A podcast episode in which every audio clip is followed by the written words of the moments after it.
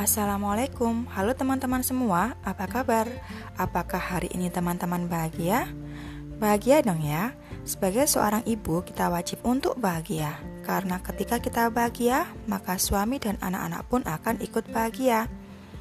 Banyak cara untuk menciptakan kebahagiaan.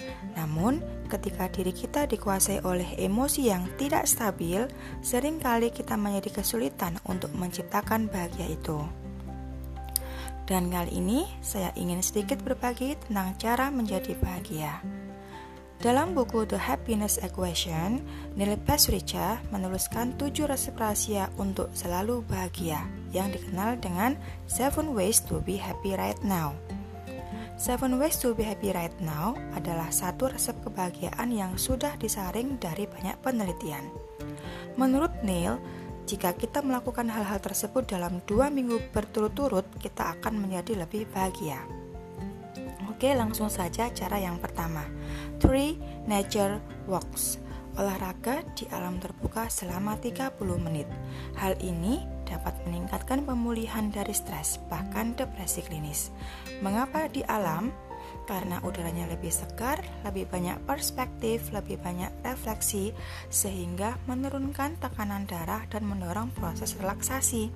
Keuntungan lainnya, ternyata pohon melepaskan zat kimia yang disebut phytoncides yang terbukti bisa membantu mengurangi kadar kortisol atau hormon stres, sehingga baik untuk kita. Berikutnya yang kedua, The 20 Minutes Replay menulis selama 20 menit tentang pengalaman positif yang kita alami. Mengapa?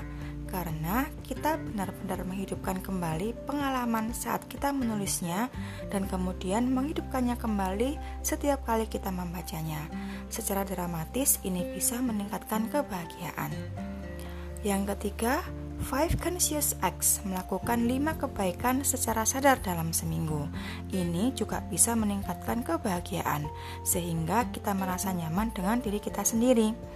Yang berikutnya, yang keempat, High Challenge, High Skill Task, yaitu keadaan optimal manusia ketika berada dalam aktivitas menantang yang sesuai dengan kemampuannya.